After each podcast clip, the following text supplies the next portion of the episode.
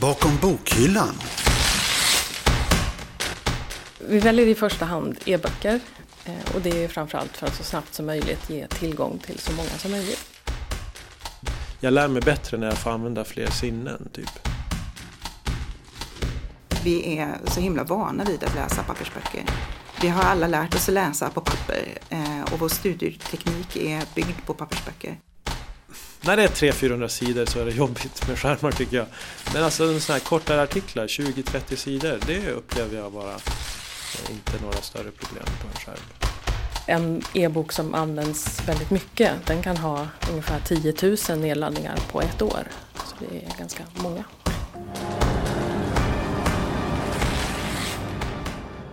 Bok eller läsplatta? Går det lika bra att läsa och lära från en skärm som från tryckt text? Ja, vad har studenterna för uppfattningar och vad säger forskningen om eh, e-boksläsningen? Och vilka riktlinjer gäller för tryckta böcker och e-böcker på Stockholms universitetsbibliotek? Det är några av frågorna som vi ska ge svar på i det här avsnittet av Bakom bokhyllan. Jag heter Urban Göransson och till min hjälp för det här så möter vi studenten Yashar Biguna och de eh, båda bibliotekarierna Maria Albeck och Caroline Myrberg. Men eh, allra först hänger vi med bakom bokhyllans reporter Julia Milder för att höra vad studenter och personal vid Stockholms universitet helst väljer att läsa, bok eller e-bok. Vad föredrar ni när det gäller eh, när ni pluggar kursböcker och annat som vetenskapligt material som ni använder för att studera? Föredrar ni e-böcker eller så kallade vanliga pappersböcker? Eh, vanliga pappersböcker. Ja, jag föredrar också vanliga, vanliga böcker. Varför? Eh, nej men jag tycker det är lite enklare att läsa med att man kan enklare stanna upp och gå tillbaka och stryka över när man vill istället för att sitta med en dator eller något sånt där. En tablet och få lite ont i huvudet. Ja, nej jag håller med. Det var ganska bra sammanfattat. Har ni provat e-böcker liksom för, just för att plugga? Ja, det har jag och det var inte alls lika lätt tycker jag. För att man inte kunde liksom stryka över och gå tillbaka? Ja men precis och sen också koncentrationsförmågan var inte lika bra tycker jag. Hej! Jobbar du här på Stockholms universitet? Ja det stämmer, jag jobbar på sektionen för uppdragssamordning här vid Stockholms universitet. Mm. Vad föredrar du i ditt, både i, liksom i ditt arbetsliv, jag vet inte hur mycket litteratur du läser i ditt arbetsliv men även privat. Föredrar du e-böcker eller pappersböcker? Mm. Eh, och där föredrar jag faktiskt olika när det gäller den privata sfären och mitt yrkesverksamma sfär. Då. Eh, jag föredrar fysiska pappersböcker faktiskt när jag jobbar. Eh, det kanske är jag som är gammalmodig men jag gillar att stryka under och hundöra och lite sånt där. Eh, men privat så föredrar jag e-böcker för att det blir mer eh, portabelt. Eh, läser jag skönlitteratur så lyssnar jag på ljudböcker också. Eh, jag studerar eh, nu eh, en utbildning som heter Snabbspår för utländska lärare på arabiska, inte svenska. Men jag tror att det är bättre från papper, jag vet inte. Det finns någon som gillar mobilen men jag gillar alltid böcker och det är mer roligare, roligare att man studerar från böcker. Varför är det roligare tycker du? Um, jag vet inte men jag gillar att måla, anteckna, skriva men mobilen jag kan inte göra dem alla, jag, bara, jag kan bara, bara läsa.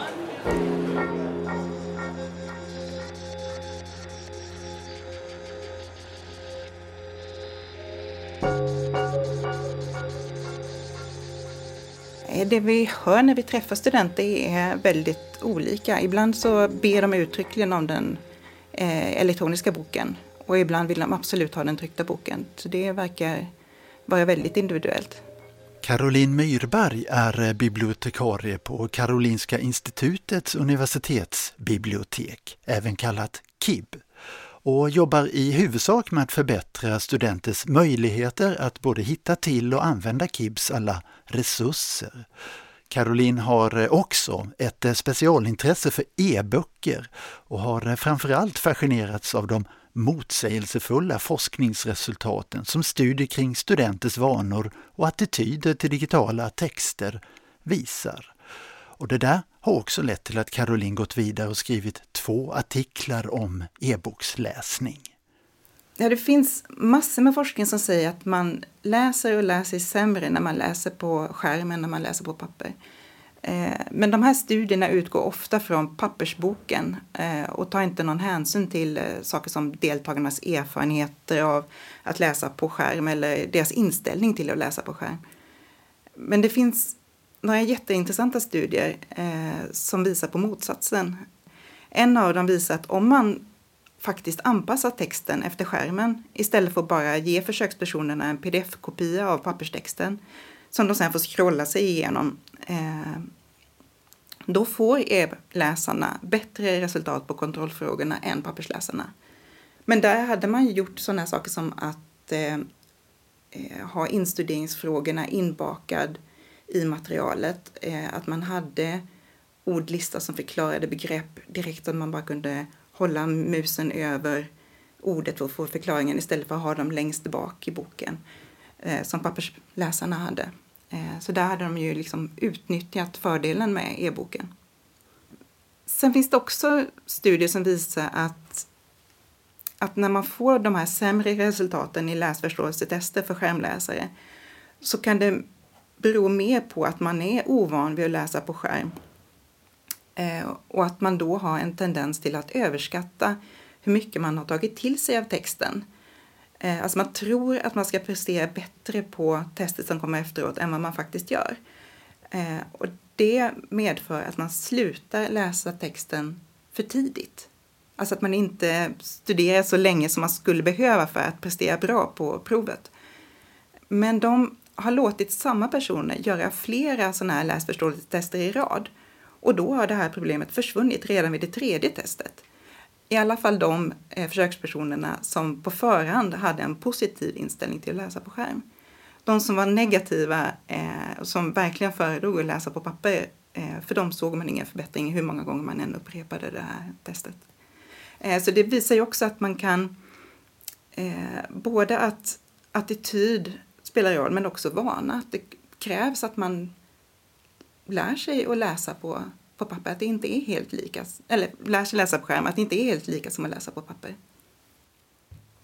Ja, det var ju spännande det här med vana och attityd, men, också den här, även om man är positivt inställd och håller e-skärmen i handen så, så vilar en viss nonchalans då. Och det gäller att bygga bort den nonchalansen. Ja, så kan man säga.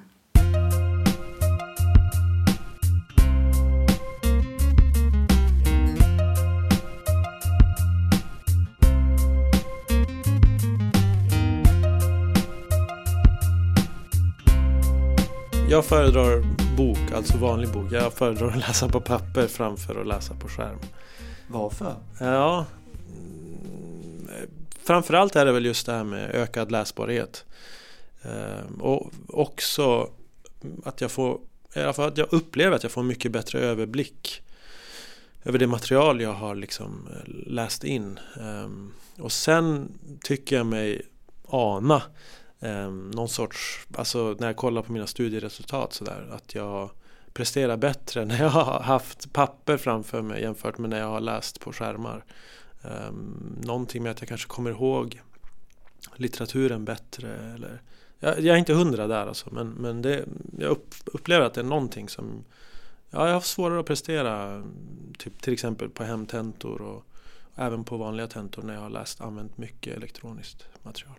Yashar Bigona läser till en masterexamen i religionshistoria vid Stockholms universitet och är lite av den typiska studenten när det kommer till att läsa på skärm eller papper. När det är 300-400 sidor så är det jobbigt med skärmar tycker jag. Men alltså sådana här kortare artiklar, 20-30 sidor, det upplever jag vara eh, inte några större problem på en skärm.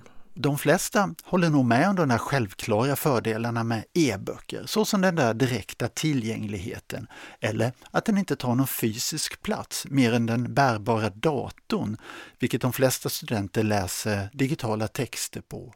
Men eh, när det kommer till överblick och eh, kopplingen till våra sinnen känns det svårare med e-böcker, säger Yashar. Jag tror att när det kommer till mitt lärande så jag, är, mm, jag lär mig bättre när jag får använda fler sinnen. Typ. Och då kan man ju tänka direkt att, eh, så här, en, en, att en, en poäng med en fysisk bok som väger någonting och som man håller i handen och som man bläddrar i med händerna. Alltså, allt det här gör ju att jag kan använda mer av mig själv när jag ska lära mig. Typ. Och jag har provat, på dataskärmen kan man göra ganska mycket nu för tiden. Eh, med att stryka under och liksom göra markeringar. Men det är inte samma känsla och det tror jag kanske delvis då för att jag inte har en vana av det. Men också för att det faktiskt är så att Alltså jag tänker på, om jag ska jämföra mig med en 15-åring kanske. Ehm, så ehm, det som är samma för oss alla egentligen det är att vi använder ju mindre av våra sinnen och av våra kroppar. Eller om man ska säga så, när vi hanterar digitala resurser. Ehm, och det tror jag är svårt att komma ifrån. Där tror jag boken har en klar fördel. Bakom bokhyllan. Allt utom boktips. På Stockholms universitetsbibliotek finns eh, tillgång till cirka 800 000 e-böcker och eh, under 2017 gjordes det 2,5 miljoner nedladdningar ur dem. Så nog är det en omfattande mängd e-litteratur som används på universitetsbiblioteket. Men både till vårt och studenternas förtret så finns det väldigt lite elektronisk studentlitteratur på svenska eftersom de flesta svenska förlagen för högskolelitteratur och fackböcker inte publicerar några e-böcker som biblioteket kan tillhandahålla.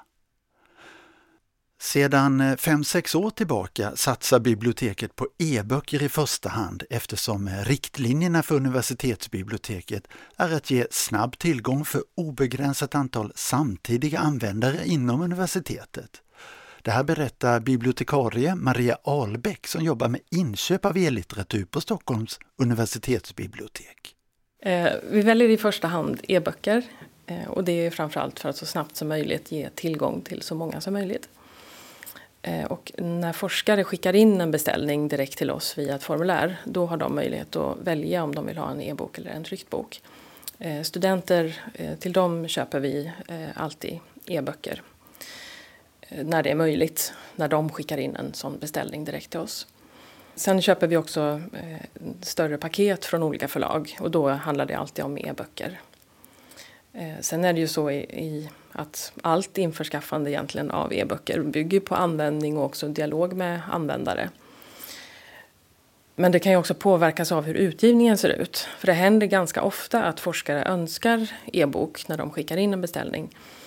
Eh, men så visar det sig att, att just den boken inte går att köpa som e-bok för att den inte är utgiven i det formatet. Eh, så att vår uppfattning är väl egentligen att både vi och våra användare skulle vilja köpa mer e-böcker, eller i fler fall än vad vi kan göra. Och det är i första hand att det handlar om tillgängligheten, det är det som är själva huvudmotivet? Eh, ja, precis. Snabbhet och tillgänglighet. Strategin i bibliotekets medieplan den är antagen av Stockholms universitets biblioteksstyrelse och eh, alla större strategiska förändringar ska godkännas av rektor. Så den här medieplanen är ju liksom väl förankrad inom universitetet. Och vad gäller e-boken då så innebär det ju en snabb leverans och oavsett var användaren befinner sig. Eh, tillgänglighet i princip dygnet runt var användaren än befinner sig. Eh, att flera personer samtidigt kan använda en bok. Eh, och också såklart minskat behov av förvara tryckta böcker. Förvaringsutrymme, hyllarbete, transport och sådär. Sen så handlar det väl också om att vi försöker använda vårt medieanslag på ett vettigt sätt. Snabb tillgång för så många som möjligt och minskad administration kring varje enskild bok. Kan man ladda ner och spara den här e-boken själv på sin dator som en pdf till exempel? Eh, I de flesta fall kan man det. Eh, det finns ju alltså vissa böcker då som är, eh, har ett så kallat DRM-skydd. Eh, och det är framförallt på vissa e-boksplattformar eh, och det är där, fler, där flera olika förlagsböcker är samlade mm, på en gemensam plattform. Där kan det förekomma då att böckerna är försedda med DRM som betyder Digital Rights Management, eh, som är ett copyrightskydd. Och det är alltså att förlagen försöker med olika tekniker att förhindra spridning eller kontrollera spridning och, och användning. Eh, och då kan det handla om att vi bara har ett begränsat antal kopior av en bok, att bara eh, tre personer samtidigt kan använda den. Bara en person i vissa fall. Eh, sen kan det också handla om att man inte får skriva ut hur många som, sidor som helst. Eh, men det är alltså mm, ganska få plattformar om man ser till hela utbudet av våra e-böcker så är det ja, någon procent av, av hela vårt e-boksutbud som, som är begränsat på det här sättet. Så de flesta e-böckerna kan användas av hur många som helst samtidigt och man kan skriva ut och läsa som pdf och ladda ner. Så. Även om den mesta e-litteraturen på Stockholms universitetsbibliotek inte har något så kallat DRM-skydd, alltså olika användarrestriktioner, och som i dagsläget bara finns hos tre stycken av de eh, e-boksplattformar som biblioteket tillhandahåller, så är copyskyddet ett hinder för att den digitala litteraturen ska vidareutvecklas och anpassas mycket mer efter de digitala möjligheterna med e-boken. Caroline Myrberg på KIB, hon har ju följt e-boksutveckling under lång tid. Vad har hon att tillägga om DRM-skyddet? Alltså det finns ju flera olika funktioner som man vill ha när man läser en e-bok. Eh, man vill kunna göra sökningar i texten, man vill kunna göra överstrykningar och anteckningar i texten.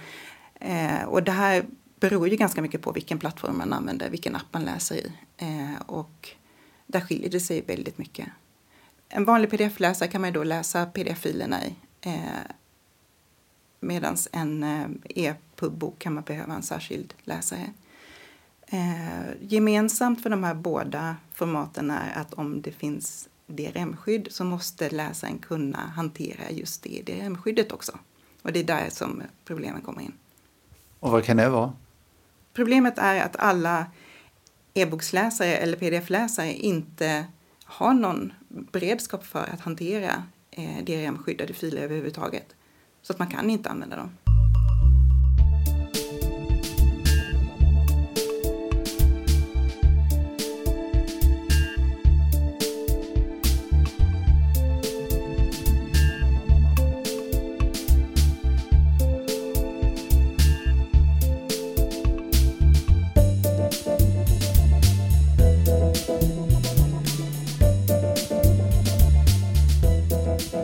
Även om e-boken används flitigt på universitetet så finns det fortfarande en del saker som eh, håller tillbaka den.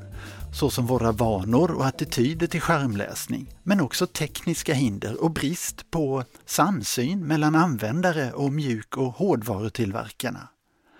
Så eh, vad behöver utvecklas för att vi ska få den där ultimata läsplattan som man känner sig riktigt bekväm med att använda?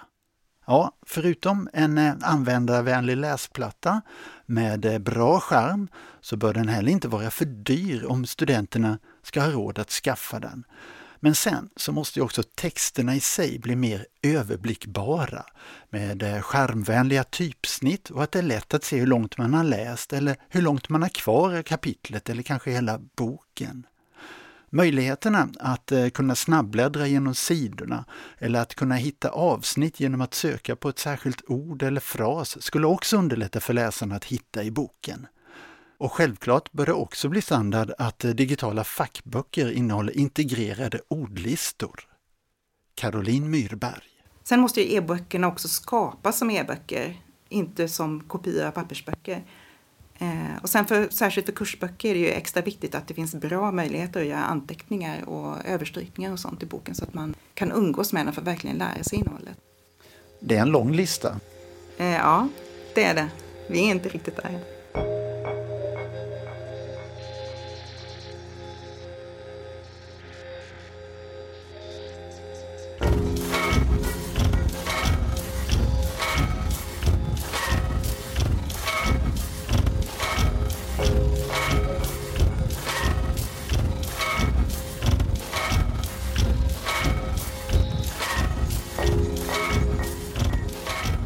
Det sjätte avsnittet av eh, universitetsbibliotekets podd Bakom bokhyllan.